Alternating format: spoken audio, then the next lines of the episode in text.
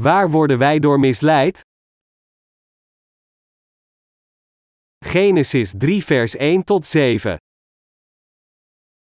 Van alle in het wild levende dieren die God, de Heer, gemaakt had, was de slang het sluwst. Dit dier vroeg aan de vrouw: Is het waar dat God gezegd heeft dat jullie van geen enkele boom in de tuin mogen eten? We mogen de vruchten van alle bomen eten, antwoordde de vrouw, behalve die van de boom in het midden van de tuin. God heeft ons verboden van de vruchten van die boom te eten of ze zelfs maar aan te raken, doen we dat toch, dan zullen we sterven. Jullie zullen helemaal niet sterven, zei de slang. Integendeel, God weet dat jullie de ogen zullen opengaan zodra je daarvan eet, dat jullie dan als goden zullen zijn en kennis zullen hebben van goed en kwaad. De vrouw keek naar de boom. Zijn vruchten zagen er heerlijk uit, ze waren een lust voor het oog, en ze vond het aanlokkelijk dat de boom haar wijsheid zou schenken. Ze plukte een paar vruchten en at ervan. Ze gaf ook wat aan haar man, die bij haar was, en ook hij at ervan. Toen gingen hun beiden de ogen open en merkten ze dat ze naakt waren. Daarom regen ze vijgenbladeren aan elkaar en maakten er lendeschorten van. De zuster die haar getuigenis gaf tijdens de avondsamenkomst zei: Niemand kan de vrede die God mij gegeven heeft door het evangelie van het water en de geest wegnemen, noch kan ik ooit deze vrede die de Heer mij gegeven heeft verliezen, ongeacht welke moeilijkheden mij ook overkomen. We gaan door veel beproevingen terwijl we in deze wereld leven. Ook ik ging door veel beproevingen in mijn leven. Klaarblijkelijk waren veel van deze beproevingen lichamelijk, maar zij waren niets vergeleken met de geestelijke kwelling die ik leed vanwege de zonden in mijn hart. Echter, de Heer heeft mij ontmoet en mij van al mijn zonden bevrijd door het evangelie van het water en de geest, en nu heeft Hij mij in staat gesteld te leven voor Gods rechtvaardige werk van de verspreiding van het evangelie, en verblijf ik in de vrede gegeven door de Heer. Ik ben God zo dankbaar dat ik er geen woorden voor heb. Had de Heer mij niet de vergeving van zonde door het evangelie van het water en de geest gegeven, dan had ik niet tot vandaag kunnen leven. Welke geestelijke kracht heb ik zelf dat ik het leed in mijn hart had kunnen overwinnen en verdragen? Ik zou waarschijnlijk mijn leven halverwege hebben opgegeven. Hoe zou ik geleefd kunnen hebben zonder de vrede gegeven door de Heer? Zelfs vandaag kan ik niet leven zonder de vrede die de Heer mij iedere dag geeft. Als we kijken naar Genesis 3 vers 1 dan lezen we, van alle in het wild levende dieren die God, de Heer, gemaakt had, was de slang het sluwst. Dit dier vroeg aan de vrouw: Is het waar dat God gezegd heeft dat jullie van geen enkele boom in de tuin mogen eten? God heeft ons gered, en hij waarschuwt ons niet opnieuw misleid te worden door Satan. Ieder van ons kan de God gegeven zegening ontvangen, als we niet misleid worden door Satan. Maar als we misleid worden door de duivel, dan ongeacht hoeveel zegeningen God ook uit de hemel laat regenen, kunnen we er geen enkele van ons maken. Wie blokkeert de evangelische waarheid van het water en de geest? Hoewel Genesis hoofdstuk 3 spreekt over het evangelie van het water en de geest dat ons compleet redt, spreekt het op hetzelfde moment ook over het werk van Satan dat het ware evangelie blokkeert. Net zoals de Bijbel zegt dat de slang het sluwst van alle dieren was, Genesis 3 vers 1, is de duivel inderdaad een slechte geest die altijd zeer sluw is geweest. Sluw betekent geslepen en listig. Satan misleidt de mensheid op een listige manier. Kijk hoe de duivel Eva misleidt. Hij misleidt Eva door listig Gods woord te vervormen en laat haar geloven dat zijn leugen de waarheid is. De Bijbel is de waarheid, in beide geestelijk en lichamelijk. Anders gezegd, Gods woord is van toepassing op beide lichaam en geest. Onder de schepselen gemaakt door God, moet de slang zeer sluw geweest zijn. De slang verwijst hier naar de duivel, en hij misleidde de mensheid door zijn slechte manieren. Toen hij Eva vroeg: Is het waar dat God gezegd heeft dat jullie van geen enkele boom in de tuin mogen eten? Werd Eva misleid door de truc van Satan. Eva's hart was al aan het wankelen door het gebruikte woord van Satan, waar. Toen Satan het geloof van Eva testte met dit woord, begon haar geloof in God te verduisteren door twijfel. Voordat Adam en Eva Satans woorden hoorden, hadden ze geen andere woorden gehoord tot dan behalve het woord van God. Ze hadden nooit geluisterd naar iemand anders, maar nu dat Satan naar hen toe kwam en hen testte door te zeggen: Is het waar dat God gezegd heeft? begon hun geloof te wankelen. Als men geen duidelijke overtuiging heeft, dan zal het geloof geneigd zijn te wankelen volgens de omstandigheden. Bijvoorbeeld, laten we zeggen dat iemand een verkeersongeval ziet in de vroege ochtend, waarna wordt doorgereden. Het gebeurde zo snel dat hij niet het juiste automodel of de nummerplaat kon zien, en dus vertelde hij alleen iets over de kleur, dat het voertuig wit was. Echter, een andere getuige gaf een andere verklaring zeggend dat de auto geel was. Dus als de politie de man later nog eens verhoort en hem onder druk zet zeggend, weet u zeker dat het wit was. Want een andere getuige zweert dat het geel was. Bent u zeker van datgene wat u hebt gezien? Zegt hij timide, ja. Maar als het hem opnieuw gevraagd wordt, bent u hier absoluut zeker van? Wordt zijn gezicht rood en hij begint zijn woorden te veranderen, zeggen: Ik denk het wel. Maar nu ik erover nadenk, misschien was de auto toch iets geelachtig. En hoe meer hij in zijn geheugen graaft, hoe meer hij denkt dat de auto geel was. Uiteindelijk zegt hij: Ik denk ook dat hij geel was. De duivel valt de mensheid altijd aan door gebruik te maken van hun zwakheid. Toen Eva misleid werd door Satan en haar geloof begon af te brokkelen, had zij echt haar geloof willen verdedigen, dan had zij tegen Satan in moeten gaan door te geloven in Gods woord en haar geloof in dit woord moeten gebruiken. Had Eva dit gedaan, dan was haar geloof niet afgebrokkeld door de listige truc van de slang. Hetzelfde verhaal geldt ook voor ons geloof. Als we proberen ons eigen geloof te vestigen zonder te geloven in Gods woord, dan zullen we onvermijdelijk wankelen en struikelen over een kleine verleiding zoals die van Eva. In tegenstelling, als we stevig in ons geloof van het woord van God staan, dan kunnen we gemakkelijk Satans leugens verslaan met het woord en hem overwinnen, ondanks dat we zelf zwak zijn. Zelfs als ons geloof niet groot is, als we geloven in Gods woord en eraan vasthouden, dan zal ons geloof niet wankelen en kunnen we Satan overwinnen. Als we het woord van God in onze harten accepteren en geloven volgens dit woord, dan kunnen we te allen tijden winnen. Ons geloof zal nooit vallen. God heeft het geschenk van Zijn rechtvaardigheid aan diegenen van ons gegeven die geloven in het evangelie van het water en de geest. Omdat God de mensheid als het object van Zijn liefde koos, gaf Hij ons mensen het geschenk van ware zaligmaking. Toen God een vrouw maakte uit een van de ribben van Adam en haar naar hem bracht, zei Adam: Mijn eigen gebeente, mijn eigen vlees. Genesis 2, vers 23. Sinds God de mensheid als de objecten van zijn liefde maakte, stelt Hij ons in staat Satan te overwinnen.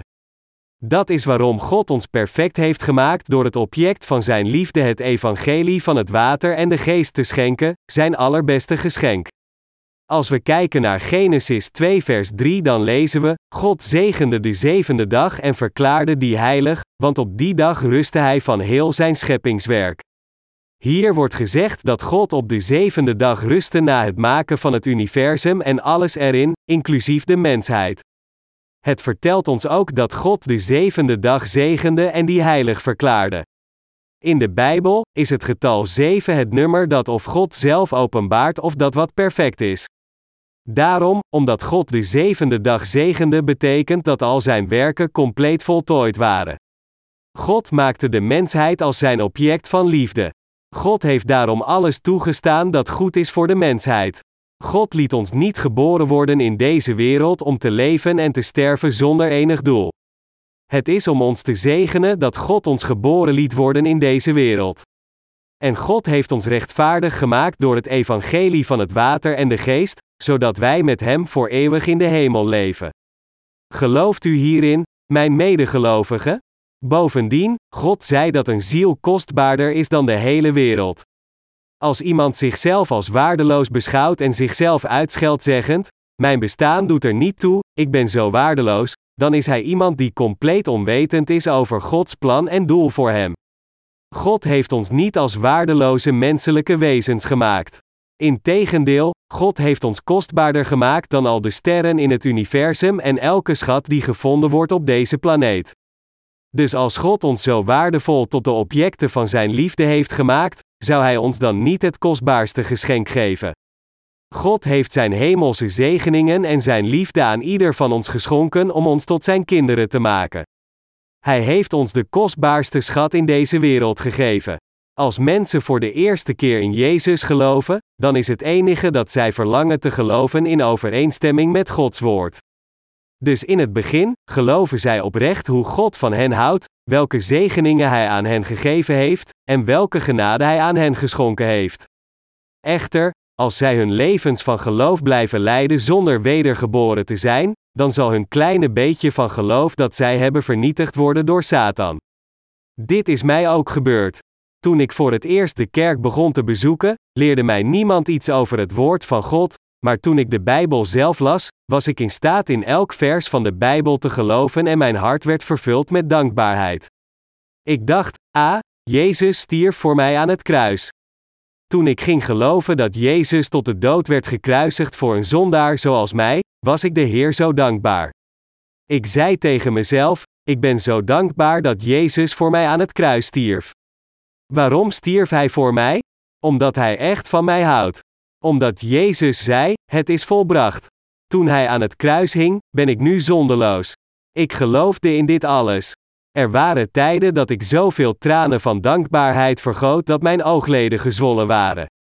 Toen ik voor het eerst het woord van God tegenkwam, was het zo gemakkelijk te geloven dat ik geen probleem had te geloven in alles met mijn hart, ondanks dat ik niet elk vers van het woord begreep. In die tijd was ik ziek en bedlegerig, en dus het enige dat ik las was de Bijbel, en de tranen van vreugde bleven vloeien en de Bijbel was in het begin zo zoet als honing voor mij. Echter, met het passeren van de tijd, begon deze emotionele passie die mij in het begin zo vervuld had geleidelijk aan te verdwijnen. Toen drie jaar voorbij waren gegaan sinds mijn eerste bezoek aan de kerk, waren mijn tranen opgedroogd en was ik een nog grotere zondaars geworden. Ik kon dit op dat moment niet begrijpen. Dus vroeg ik mezelf af, voorheen, als ik de Bijbel las, was ik zo dankbaar en werk mijn hart vervuld met zoveel vreugde, maar waarom ben ik nu een grotere zondaar geworden na het passeren van de tijd? Na tien jaar de kerk bijgewoond te hebben, kwam ik tot de conclusie: te geloven in Jezus betekent uiteindelijk een zondaar te worden. Ik keek ook naar het geloof van andere mensen, en zal dat hun geloof hetzelfde was als dat van mij. Dus ik dacht, ik moet in Jezus te vroeg geloofd hebben. Als dit is wat geloof is, dan is het beter dat ik het nu meteen opgeef. Echter op een dag leerde de Heer mij het evangelie van het water en de geest door het woord van God. Dus was ik in staat de Heer compleet te ontmoeten in dit evangelie van waarheid. Adam en Eva hadden in de tuin van Eden geleefd en geluisterd en gehoorzaamd naar het woord van God. God had Adam en Eva toegestaan van iedere boom in de tuin van Eden te eten, met een belangrijke uitzondering: hij had hen verteld niet te eten van de boom van de kennis van goed en kwaad. Maar ondanks dit, toen Satan zijn geslepen woorden aan Eva uitte, vragend of het waar was dat God haar dit verteld had, was Eva zelf al aan het wankelen door deze woorden en haar geloof brokkelde af. Ze dacht: Als God van ons houdt, waarom maakte hij dan de boom van de kennis van goed en kwaad? Luisterend naar de woorden van Satan, begon het geloof van Adam en Eva te wankelen, en zij waren uiteindelijk ongehoorzaam aan zijn woord. Misleid door de geslepen truc van de duivel, faalde zij zich aan het verboden gebod van God te houden. Zelfs op dit moment gebruikt Satan dezelfde truc om diegenen die amper begonnen te geloven in God te laten struikelen, voorkomend dat zij rechtvaardige mensen worden zelfs als zij in Jezus geloven. Dat is waarom deze christenen uiteindelijk meer lijden door hun zonde nadat ze gingen geloven in Jezus als hun verlosser en verslaafd raken aan een vals evangelie, ze weigeren het ware evangelie zelfs als het aan hun gepresenteerd wordt. Als men vervalt aan de misleiding van Satan, dan lijken de leugens van Satan meer correct dan het woord van God.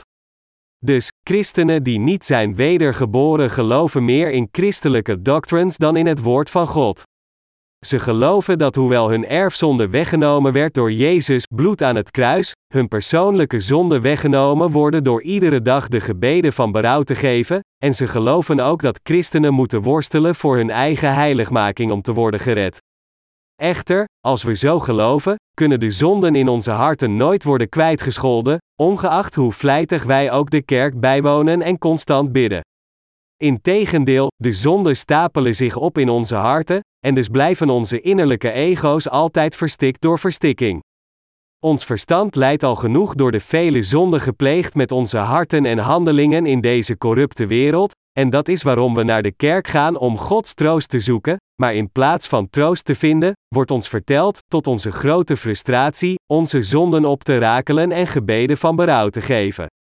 In deze staat, als we niet wedergeboren zijn, kan geloof gewoon niet groeien, ongeacht hoe goed we ook luisteren naar het woord en deugdzaamheid praktiseren. Integendeel, we worden alleen beter in het doen alsof we een goed geloof hebben tegenover anderen, onszelf in huigelaars verandert.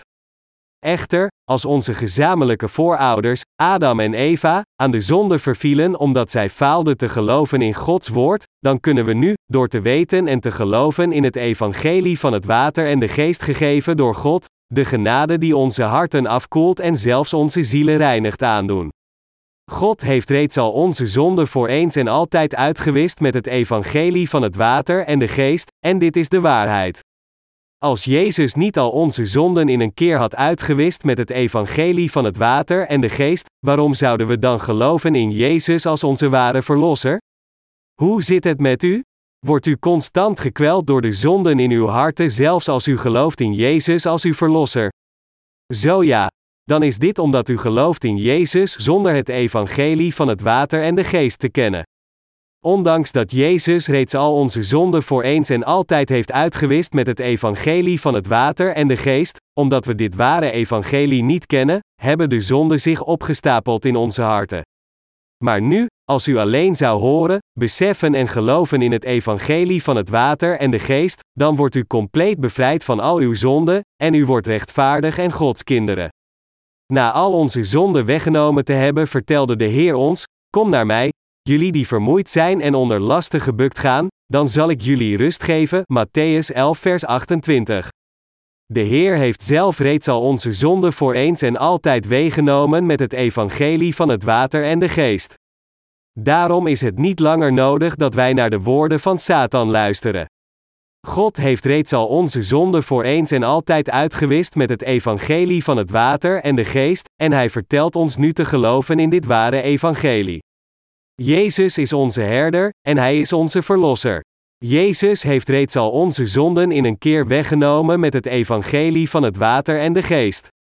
En voor diegenen die in deze waarheid geloven, heeft hij al hun zonden weggewassen. Toen Jezus ons riep naar het evangelie van het water en de geest, hoe kunnen wij dan de zondaars zijn, zeggend dat wij niet bevrijd zijn van onze zonden? Als we inderdaad bevrijd zijn van al onze zonden door te geloven in Jezus Christus als onze Verlosser die kwam door het evangelie van het water en de geest, hoe kunnen we dan nog steeds zondaars zijn met de zonde nog steeds intact in onze harten? Iedereen die zonden in zijn hart heeft, zelfs als hij in Jezus gelooft, wordt nog steeds misleid door de leugens van Satan. Tot op de dag van vandaag zijn talloze mensen misleid geworden door de oude slang, de sluwste van allemaal. Tegen iedereen liegend, heeft Satan allen die geloven in zijn leugens als de waarheid misleid. We moeten daarom nooit misleid worden door deze bedreven leugenaar genaamd Satan. Genesis hoofdstuk 3 openbaart hoe Satan Adam en Eva misleidt. Wat is de reden dat het geloof van de mensen begint te wankelen door de verleidingen van Satan? Dat is omdat ze niet geloven in het evangelische woord van het water en de geest geopenbaard in de Bijbel. Tenzij de evangelische waarheid stevig gevestigd is in hun harten, zal hun geloof wankelen als zij misleid worden door Satan. Hoewel iedereen de rechtvaardigheid van God moet leren kennen en de ware vergeving van zonde door het evangelie van het water en de geest moet ontvangen, geloven veel mensen blindelings in Jezus als hun verlosser zonder aandacht te geven aan het ware evangelie, en dat is waarom ze niet in staat zijn bevrijd te worden van de geestelijke verwarring en leegheid. De Heer vertelde ons een parabel over een huis gebouwd op een rots en een huis gebouwd op zand. Hij zei dat het huis gebouwd op de rots niet valt zelfs als er overstromingen zijn en de wind zeer hard waait, maar het huis gebouwd op zand zal in elkaar storten. Diegenen die hun huis van geloof bouwen op de rots verwijzen naar niemand anders dan diegenen die compleet gered zijn van hun zonde door te geloven in het evangelische woord van het water en de geest. Dergelijke mensen worden niet langer misleid door Satan. Sinds zij nu geloven in het woord met een duidelijke kennis, zal hun geloof niet in elkaar storten, ongeacht welke verleiding en trucs op hun weg komen. Echter voor diegenen die niet vertrouwen op het woord van God dat gekomen is door het evangelie van het water en de geest, maar in plaats daarvan vertrouwen op hun eigen emoties of bijbelse ongegronde doctrines, is het onvermijdelijk dat hun geloof wankelt als zij een beetje misleid worden door Satan. Er wordt gezegd dat er tegenwoordig meer dan 10 miljoen christenen in Korea zijn. Echter, Koreaanse christenen staan bekend als devoot in dit tijdperk waarin het christendom afneemt. Ondanks dit, als Satan hen vraagt, net zoals hij aan Eva vroeg, gelooft u echt dat Jezus al uw zonde heeft uitgewist? Zeggen velen van hen, nee, er zitten nog een paar zonden in mijn hart. Hun geloof is verkeerd omdat zij de evangelische waarheid van het water en de geest niet kennen. En het is ook omdat zij blindelings het verkeerde geloof van diegenen hebben gevolgd die voor hen in Jezus geloofden. Als christenen wisten en geloofden in het evangelie van het water en de geest dat God ons gegeven heeft, dan waren ze niet gevallen ongeacht hoe Satan hen ook misleid had, jammer genoeg, hebben velen gefaald te geloven in dit ware evangelie. Zelfs nu, eerder dan te geloven in Gods woord van rechtvaardigheid, geloven talloze christenen in de doctrine die hun eigen vleeselijke gedachten aanspreekt, en dat is waarom hun geloof zo gemakkelijk afgebroken wordt wanneer Satan hen maar een klein beetje laat wankelen met het woord waar. Hoewel er veel mensen in deze wereld zijn die geloven in Jezus als hun verlosser, zijn diegenen die het evangelie van het water en de geest kennen bijzonder weinig. Laat me u hier een grappig verhaal vertellen. Iemand ging in zijn droom naar de hemel, en hij zag heel veel lippen in een magazijn, maar niets anders. Dus vroeg deze man aan de engel in zijn droom waarom er alleen lippen in dit magazijn zaten. De engel antwoordde dat het was omdat deze mensen alleen in Jezus hadden geloofd met hun lippen. De man ging toen naar een ander magazijn, en daar zag hij een hoop afgesneden oren samengebonden zoals vissen aan een touw. Dus vroeg hij de engel waarom hier alleen oren waren en de engel antwoordde, terwijl deze mensen hun hoofden knikten toen zij het woord met hun oren hoorden, in hun harten geloofden zij niet. Dus hebben we alleen hun oren die het kostbare woord hebben gehoord opgeslagen, want het leek ons een verspilling hen in hun compleetheid naar de hel te sturen. Mijn medegelovigen, zelfs vandaag als mensen in Jezus als hun verlosser geloven zonder het evangelie van het water en de geest te kennen, dan zal de duivel onvermijdelijk hun harten laten wankelen. Hij zal vragen: Heeft God al uw zonden uitgewist? Is het waar dat Hij dit gezegend heeft? Voor tijden als deze moeten we klaarstaan met Gods woord, dat het zwaard van de geest is. We moeten precies weten hoe de Heer al onze zonden heeft uitgewist met het evangelie van het water en de geest, namelijk het woord van God. Beseft u nu dat Gods diepgaande doel verborgen zit in het woord van Genesis? Of leest u het nog steeds letterlijk? De apostel Paulus zei: Want de letter doodt, maar de geest maakt levend. 2 Korintje 3 vers 6. Er staat ook geschreven: De geest maakt levend, het lichaam dient tot niets. Wat ik gezegd heb is geest, en leven. Johannes 6 vers 63. Het is compleet nutteloos het woord van God alleen letterlijk te kennen. Voordat ik werd wedergeboren, las ik de Bijbel ook heel de tijd, de versen uit het hoofd lerend terwijl ik over straat liep met een Bijbelkaart in mijn hand. Het was ook zeer opwindend om de Bijbel te lezen, van buiten te leren, en de Bijbel letterlijk te kennen als een vorm van kennis. Echter, het was nutteloos te geloven in datgene wat ik niet echt begreep.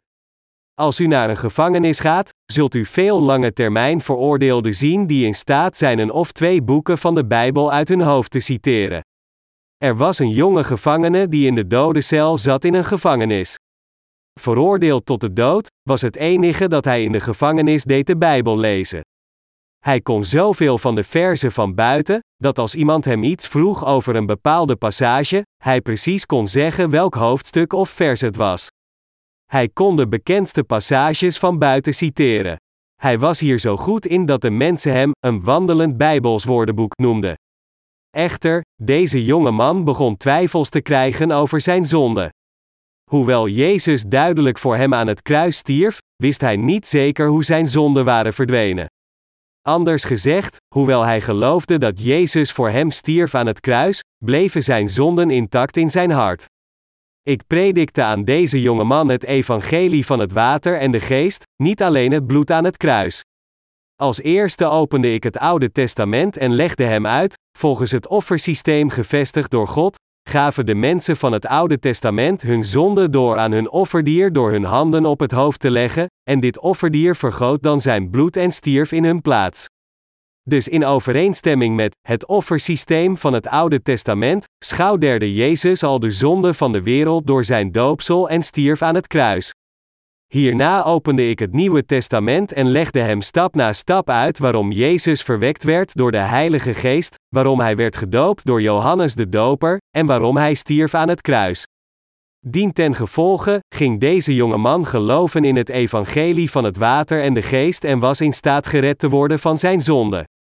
Omdat hij beide goed kende, het Oude en Nieuwe Testament, toen ik dit ware evangelie uitlegde door het te verbinden met het offersysteem van het Oude Testament, geloofde hij er met hart en ziel in zonder enige twijfel.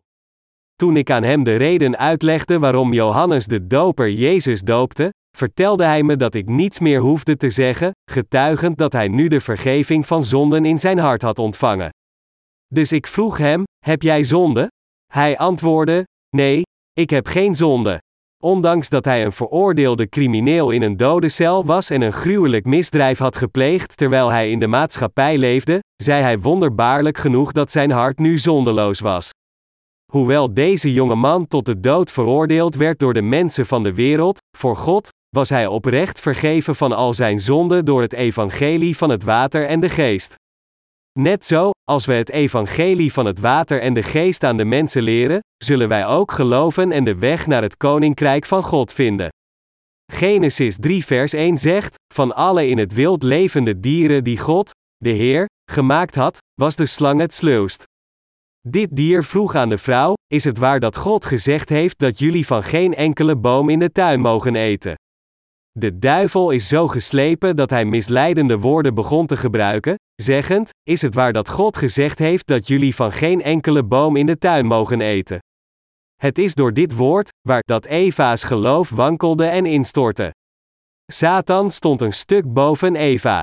Dat is waarom ieder woord dat hij zei een klap voor Eva's hart was. Toen Satan Eva en haar man samengooide en zei: Jullie, dacht Eva dat de duivel beter en wijzer leek dan hun twee samen. Anders gezegd, Eva verloor haar geloof omdat ze werd geïntimideerd. Ze verloor al de zegeningen van geloof door een paar woorden van Satan. Het gezegende woord dat Eva had ontvangen van God verdween in een keer uit haar hart. De dienaren van de duivel zijn ook geslepen. De dienaren van Satan liegen alsof zij de zogenaamde waarheid spreken. Dus wie zou niet misleid worden door hun woorden? Geloven we echt in Jezus als onze Verlosser die kwam door het evangelie van het water en de geest? En zijn we echt wedergeboren? Met deze woorden van misleiding valt Satan zelfs de wedergeborenen aan die geloven in het evangelie van het water en de geest. Zelfs onder diegenen die nu geloven in het evangelie van het water en de geest, worden diegenen die geestelijk jong zijn misleid en ter dood gebracht. De dienaren van Satan vragen constant: Zijn jullie de enigen die in Jezus correct geloven? Geloven al deze talloze christenen dan allemaal verkeerd? Als alleen u, de gelovigen in het evangelie van het water en de geest, naar de hemel gaan, betekent dit dan dat de andere christenen allemaal naar de hel gaan? En ze bluffen met invloed zeggend: De pastor in mijn kerk heeft verschillende doctoraten, hoeveel heeft uw pastor er? Echter, deze mensen kennen de evangelische waarheid van het water en de geest niet precies, en daarom zijn ze niet bevrijd van hun zonde. Het is vanzelfsprekend dat iedereen alleen wordt gered als hij gelooft in Jezus Christus als zijn Verlosser die naar ons toekwam door het evangelie van het water en de geest, en dat als iemand anders vertrouwt op het karakter of het onderwijs van hun pastor, de invloed van zijn kerkgenootschap of dergelijke andere dingen, dat hij dan niet gered kan worden. Het maakt absoluut geen zin een pastor te beoordelen naar de waarheid of onwaarheid gebaseerd op zijn preken en zijn educatieve achtergrond of karakter. Wat de mensheid echt van hun zonde redt is nog het karakter van een prediker, nog zijn kennis en nog minder de invloed van zijn kerkgenootschap. Een zuster van onze kerk vertelde me ooit dat haar baas op haar werk geprobeerd had haar te bekeren tot zijn kerkgenootschap, video's en boeken gevend geproduceerd door zijn kerkgenootschap. Dus gaf deze zuster haar getuigenis van zaligmaking van het evangelie van het water en de geest. Haar baas vertelde haar toen dat ze zo niet moest geloven, maar dat ze alleen het woord van God moest geloven dat verklaarbaar was volgens wetenschappelijke termen. Dus vertelde de zuster hem dat ze inderdaad in het evangelie van het water en de geest geloofde volgens het woord van God, maar haar baas ging nog steeds tegen het evangelie in, haar vertellend dat het verkeerd was zo te geloven. Het woord van getuigenis, dat getuigt dat wij gered zijn van al onze zonden, moet in onze harten verblijven als het evangelie van het water en de geest.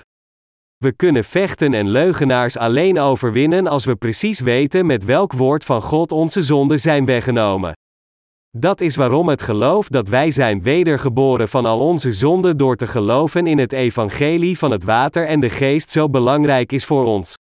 Al diegenen die nu de vergeving van hun zonden in hun harten hebben ontvangen door te geloven in het evangelie van het water en de geest moeten het woord van getuigenis dat getuigt dat zij inderdaad gered zijn van hun zonden hebben door te geloven in het geschreven woord van God. De duivel misleidt mensen met de heersende trend van de tijd. Anders gezegd, hij misleidt mensen met de doctrines die het zogenaamde heersende christendom vertegenwoordigt.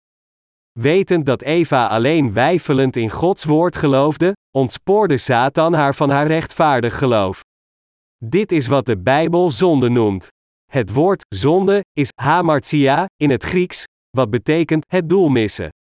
Wat afwijkt van het precieze woord, is een zonde.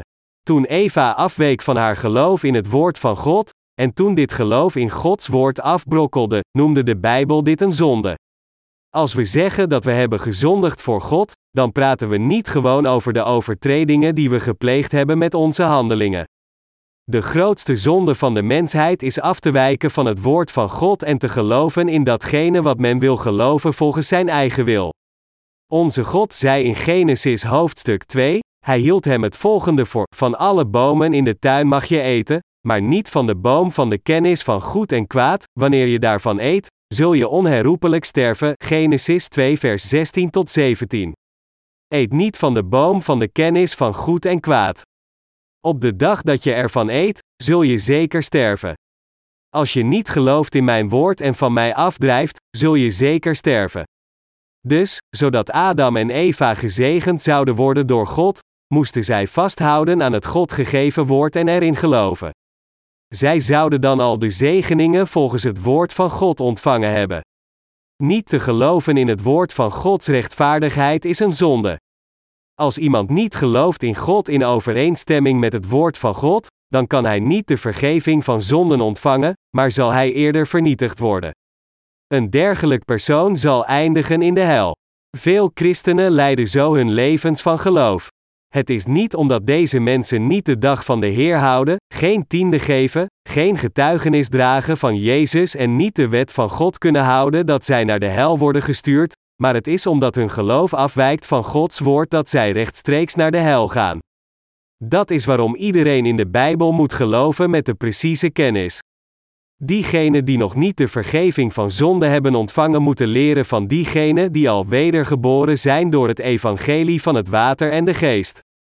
Diegenen die zonden in hun harten hebben, moeten knielen voor het woord van God en het leren met een nederig hart. Als zij niet deze nederigheid hebben en tegen Hem ingaan, dan zullen zij in het brandend vuur van de hel worden gegooid. Ik ben ook voor een tijd iemand geweest die gebonden was aan de hel. Mijn beste broeders en zusters, als we willen geloven in de rechtvaardigheid van Jezus, dan moeten we het woord van God correct weten en erin geloven. Natuurlijk, iedere gelovige beweert het precieze woord te prediken, maar alleen iemand die gelooft in het evangelische woord van het water en de geest kan het woord van God correct prediken, iemand anders kan niet Gods woord correct prediken. Per slot, hoe kan iemand iets aan anderen leren dat hij niet kent? Als een blinde een andere blinde leidt, vallen beiden in de put en worden vernietigd. Men is moedig als men onwetend is. Er waren twee broers die in een dorp leefden, en beide konden niet lezen of schrijven, omdat ze geen onderwijs hadden gehad. Op een droge lentedag maakten de twee broers een wandeling in de nabijgelegen bergen, en omdat dit het seizoen van de bosbranden was, kwamen ze nogal wat borden tegen vastgemaakt aan elektrische palen waarop stond brandgevaar. De jongere broer vroeg aan de oudere broer: Wat betekenen deze letters? De oudere broer moest wel iets zeggen, om zijn gezicht niet te verliezen voor zijn jongere broer. Hij zag dat er twee woorden op het bord geschreven stonden en zei: Weet je dat niet? Er staat geschreven: elektrische paal. Dus de jongere broer was zeer onder de indruk door zijn grote broer. Nadat ze wat verder gewandeld hadden, kwamen ze een ander bord tegen dat zei: bosbrandgevaar.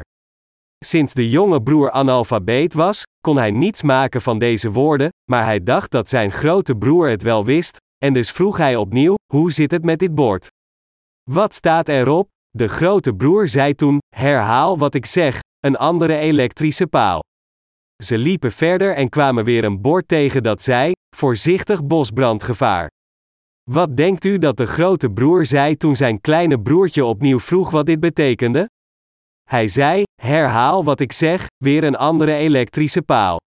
De jongere broer had veel ontzag voor zijn grotere broer. Maar dit was niet het einde, toen zij verder wandelden waren er steeds meer borden bevestigd aan elektrische palen. Toen de grote broer een bord zag dat zei: het hoogste brandalarm in werking, bedacht hij dat als hij gevraagd werd zou zeggen: een andere elektrische paal staat hier. Hij vond het fijn te zien dat zijn kleine broertje hem geboeid volgde, en dus bleef hij zoiets zeggen volgens het aantal woorden. De hedendaagse christenen zijn als deze analfabetische broers.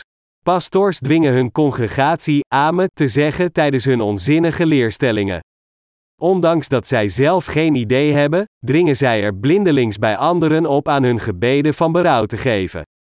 Als de gebeden van berouw niet werken, dan vertellen zij de mensen te vasten, als dit nog steeds niet werkt, dan zeggen ze dat zij de bergen in moeten gaan om gebeden te geven, en dag en nacht, s'morgens en s avonds blijven ze vasthouden aan de gebeden van berouw. Dit is omdat de pastors niet het woord van waarheid kennen dat zij blindelings hun congregatie vertellen gebeden van berouw te geven. Bovendien, sinds hun aanhangers compleet onwetend zijn, slikken zij de leugens van deze pastors die niet zijn wedergeboren, en doen precies wat hun verteld wordt om te doen. Deze pastors leren dat men zijn persoonlijke zonde moet wegwassen door constante gebeden van berouw te geven, verwijzend naar de passage in Johannes hoofdstuk 13: Wie gebaat heeft, hoeft alleen nog zijn voeten te wassen, hij is al helemaal rein. Johannes 13, vers 10. Dit, mijn medegelovigen, is niet wat Jezus bedoelde toen hij dit tegen Petrus zei terwijl hij zijn voeten waste. Wetend dat Petrus zou zondigen door hem te verraden, waste Jezus zijn voeten om hem te vertellen dat hij het loon van de toekomstige zonde zou afbetalen. Dat is waarom hij zei: Wat ik doe, begrijp je nu nog niet, maar later zul je het wel begrijpen. Johannes 13, vers 7. Wereldlijke pastors kiezen doorgaans commentaren en toelichtingen van hier en daar, maken aantekeningen en beginnen dan te prediken.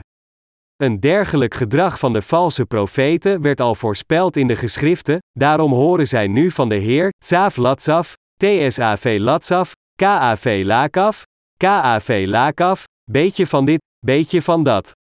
En zo gaan ze op weg, maar ze struikelen.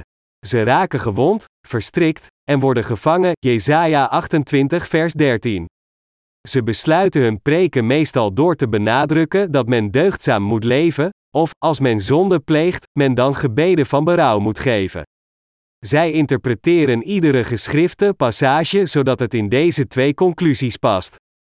Men kan de waarheid alleen weten als het correct wordt geleerd, maar sinds deze pastors het niet kennen, leren zij hun congregaties valse leerstellingen vanuit hun verwarring, en dat is waarom zoveel christenen geen andere keus hebben dan gebeden van berouw te geven vanaf het begin tot het eind, tot de dag dat ze sterven.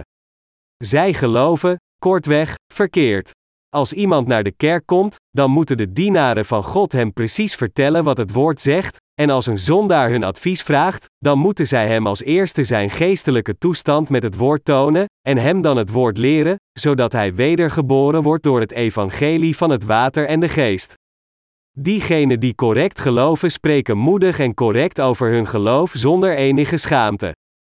Als u de kans krijgt met iemand te praten die zijn leven van geloof correct leidt, dan zult u beseffen dat deze persoon inderdaad een man met karakter is. En als iemand echt de vergeving van zonde heeft ontvangen door te geloven in het evangelie van het water en de geest, dan zal hij duidelijk het evangelie van de vergeving van zonden aan anderen leren.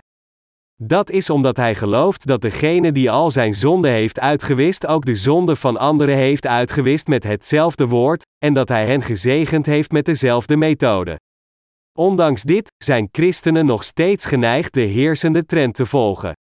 Dit is precies wat Satan wil. De duivel plant in de mensen het idee dat wat geloofd wordt door velen in deze wereld juist is.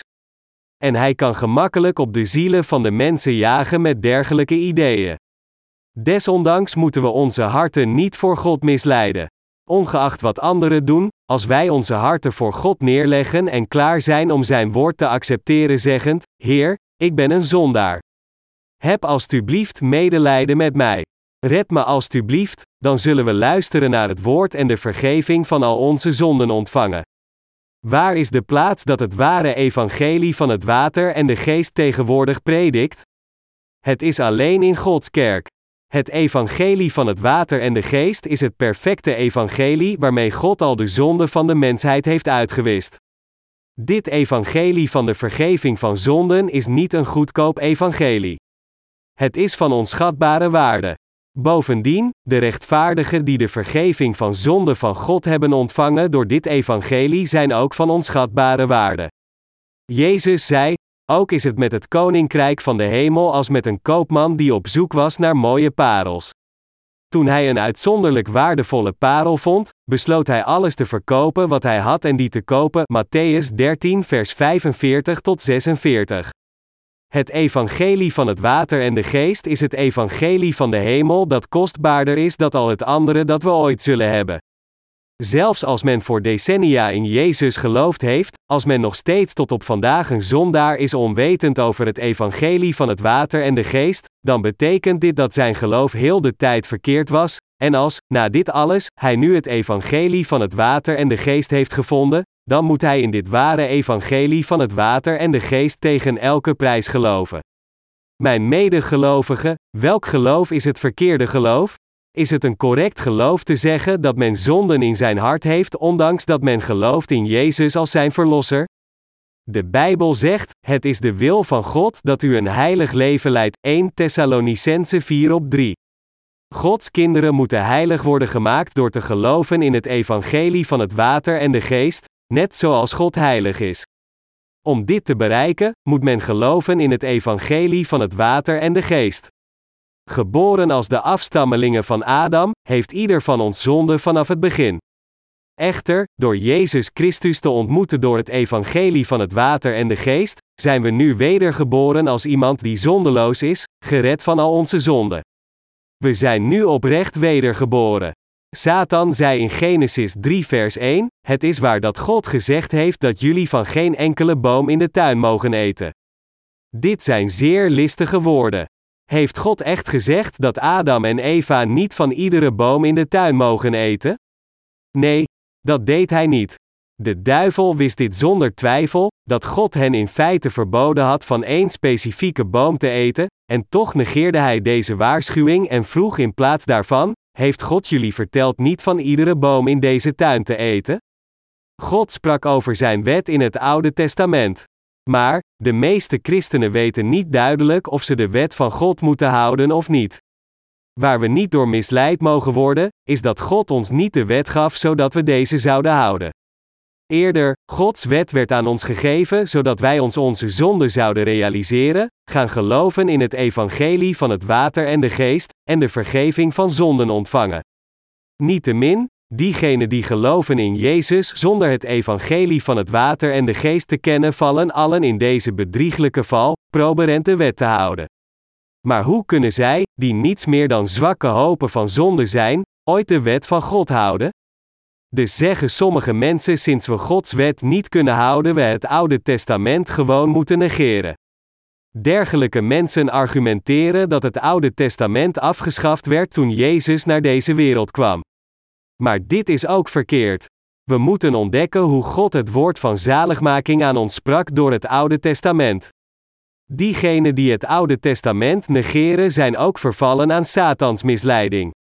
De reden waarom God ons de wet gaf is niet zodat wij deze zouden houden en onze zaligmaking zelf zouden verkrijgen. Verre van, God gaf ons de wet zodat wij ons door de wet zouden beseffen dat we ernstige zondaars zijn, en dat wij onze zaligmaking zouden bereiken door te geloven in het evangelie van het water en de geest. De Bijbel verklaart duidelijk dit denkbeeld. Er staat daarom geschreven in Romeinen 3 vers 19 tot 20, wij weten dat de wet in alles wat hij zegt alleen tot degene spreekt die aan de wet zijn onderworpen. Maar uiteindelijk wordt ieder mens het zwijgen opgelegd en staat de hele wereld schuldig voor God. Daarom is voor hem geen sterveling onschuldig omdat hij de wet naleeft, want juist de wet leert ons de zonde kennen. Misleid door Satans verleiding, vervielen Adam en Eva aan de zonde en werden verdreven uit de tuin van Eden. Verdreven, gaven zij het leven aan hun kinderen, en dien ten gevolge gaven zij deze zonde aan hen door. Dit is hoe wij geboren werden met zonde, zelfs voordat wij feitelijk er zelf een pleegden. Maar ondanks dit beseffen mensen niet dat zij van nature zondaars zijn, ondanks dat zij allen geboren werden als zondaars. Dus zegt de Bijbel dat de wet aan diegenen werd gegeven die onderworpen zijn aan de wet om hen te laten weten dat zij zondaars zijn. Anders gezegd, God zegt dat Hij de wet gaf zodat mensen zich zouden realiseren dat zij zondaars zijn en gedoemd zijn om naar de hel te gaan. Door de wet herkent men dat men een zondaar is, en beseft dat men bestemd is om te worden veroordeeld. We moeten oppassen dat we niet misleid worden door Satan. De duivel had Eva gevraagd: Is het waar dat God gezegd heeft dat jullie van geen enkele boom in de tuin mogen eten? Als we deze woorden zouden toepassen in dit huidige tijdperk, dan zou dit hetzelfde zijn als te vragen: Heeft God jullie verteld niet ieder woord van de wet te houden? Als men het woord van God niet precies begrijpt, dan denkt men dat men alleen in Jezus hoeft te geloven en de wet onvoorwaardelijk moet houden. Maar de Bijbel zegt duidelijk dat de wet werd gegeven zodat wij ons onze zonde zouden realiseren. En de Bijbel zegt ook dat de rechtvaardigen alleen moeten leven door geloof. Dit betekent dat diegenen die de vergeving van zonde hebben ontvangen door te geloven in het woord van God heel zijn woord met geloof moeten houden. Kunt u mij nu begrijpen, mijn medegelovigen? We moeten hier bevatten dat de wet werd gegeven zodat door deze wet diegenen met zonden in hun harten zouden beseffen dat zij zondaars zijn, en als ze eenmaal bevrijd zijn van hun zonde door te geloven in het woord van God, dat wil zeggen in het evangelie van het water en de geest, dat we dan de rechtvaardigheid van God in onze levens door geloof moeten houden. Als u weet dat heel het woord van God waar is, dan moet u het evangelie van het water en de geest in uw harten accepteren door erin te geloven, en u moet daarbij de zaligmaking van de perfecte vergeving van zonden ontvangen. Het geloof in het evangelie van het water en de geest is fundamenteel anders dan in Jezus te geloven vanuit een verplichting met iemands eigen werken. Iemand die gewoon blindelings doet wat Gods woord hem vertelt te doen, is iemand niet is wedergeboren. In tegenstelling, diegenen die begrijpen en geloven in dat wat God precies bedoelde met zijn woord kunnen oprecht leven door geloof, in overeenstemming met de wil van God. Mijn medegelovigen, u moet niet onvoorwaardelijk accepteren en geloven in alles dat uw eigen geloofsgemeenschappen leren. Nog moet u misleid worden door de leerstellingen die u aanmoedigen deugdzame daden te doen als voorwaarde voor uw zaligmaking. Het ware geloof gaat over gered te worden van zonde door te geloven in het evangelie van het water en de geest, het woord van God en zijn rechtvaardigheid te volgen. Het gaat niet over iemand anders zijn deugdzame daden te volgen. Niemand moet proberen goedgekeurd te worden door God met zijn eigen verdiensten. De vergeving van zonde wordt ook in onze harten ontvangen door te geloven in het woord van God, net zoals het is door te geloven in Gods woord dat we zijn geboden volgen. God heeft de wet van de perfecte zaligmaking voor ieder van ons gevestigd. We moeten daarom niet langer misleid worden door Satan. Als iemand misleid is door Satan, dan is het zeer moeilijk voor hem om de vergeving van zonde te ontvangen. Niettemin, als we beseffen dat we heel de tijd misleid zijn geworden door Satan, en als we eenmaal verlicht worden door het woord van God dat kwam door het evangelie van het water en de geest, dan kunnen we allen de ware vergeving van zonden ontvangen. Dus God vertelt ons, om de vergeving van uw zonde te ontvangen, moet u nooit misleid worden door Satan. De duivel staat boven de vleeselijke menselijke wezens. Maar dit betekent niet dat de mensheid nooit kan ontsnappen aan de greep van de duivel. Inderdaad, er zijn feitelijk diegenen die Satans lissen hebben overwonnen door te geloven in het evangelie van het water en de geest, ontsnapt uit zijn misleiding en de vergeving van zonden ontvangend. Deze mensen zijn niemand anders dan wij, die bevrijd zijn geworden van al onze zonden en oprecht vergeven door te geloven in het evangelie van het water en de geest. Diegenen die niet de vergeving van zonde door het evangelie van het water en de geest hebben ontvangen, zijn diegenen die nog steeds niet ontsnapt zijn aan de woorden van de duivel. Dergelijke mensen zijn onvermijdelijk gebonden om misleid te worden door Satan. Van nu af aan moeten we nooit misleid worden door de slechte lissen van Satan. Gezien het feit dat onze Heer al onze zonden voor eens en altijd heeft uitgewist met het evangelie van het water en de geest, worden diegenen die zichzelf nog steeds zondaars noemen, zelfs als zij beleiden dat Jezus Christus hun verlosser is, worden nog steeds voor de gek gehouden door Satan. Maar er zijn zoveel christenen in deze wereld, niet waar? Geen enkel menselijk wezen, in en van zichzelf is Satan. Maar net zoals Satan lang geleden in de slang ging en Adam en Eva misleidde te zondigen, gaat de duivel nog steeds in het verstand van de mensen proberend hun zielen te ondermijnen. Onthoud dat Satan u probeert te misleiden om het juiste geloof te ondermijnen en het verkeerde geloof te promoten. U moet ontsnappen aan de verkeerde overtuigingen. En u moet terugkeren naar Gods boezem door te geloven in Zijn woord van rechtvaardigheid. Als het evangelische woord van het water en de geest inderdaad waar is, dan moet u er zorgvuldig naar luisteren, erin geloven met uw harten en de vergeving van zonden ontvangen. U moet bevrijd worden van al heel de misleiding van Satan.